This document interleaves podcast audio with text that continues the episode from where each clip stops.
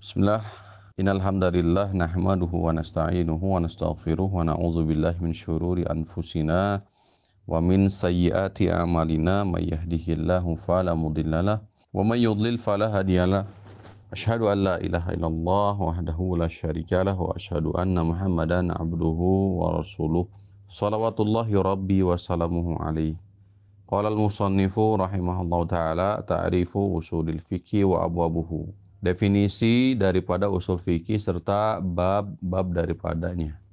Wa ilmu usulil fikih turuquhu ala sabilil ijmal wa kaifiyatul istidlal biha.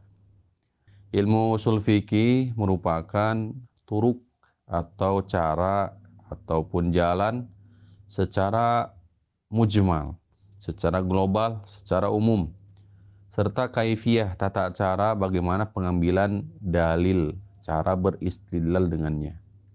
Turuku ala sabilil ijmal, cara, metode atau cara secara umum serta kaifiyah tata cara beristidlal dengannya.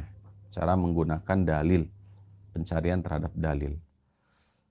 Wa abu abu usulil fikih, sedangkan bab-bab daripada usul fikih itu banyak di antaranya adalah aqsamul kalam, pembagian daripada kalam, wal amru wan nahyu, al amru wan nahyu, perintah, larangan, wal am wal khas, am dan khas, umum dan khusus, wal mujmal wal mubayyan, ada mujmal, ada mubayyan, ada zahir, wal muawwal, ada zahir, ada muawwal, wal af'al, ada af'al, ada nasikh wal mansukh, kemudian al-ijma' wal akhbar dan akhbar. Wal qiyas ada juga pembahasan kias.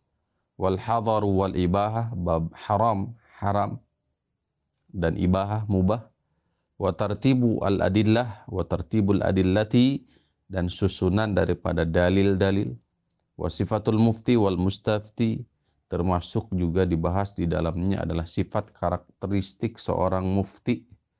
Orang yang memberikan fatwa dan mustafti orang yang berfatwa. Wahkamul mujtahidin serta hukum-hukum para mujtahid. Karakteristik para mujtahid. Demikian.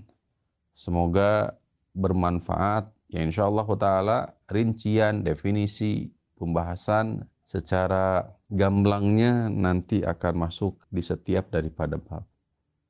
Insya Allah ta'ala. Wa sallallahu ala nabiyina Muhammadin wa ala alihi wa wasallam.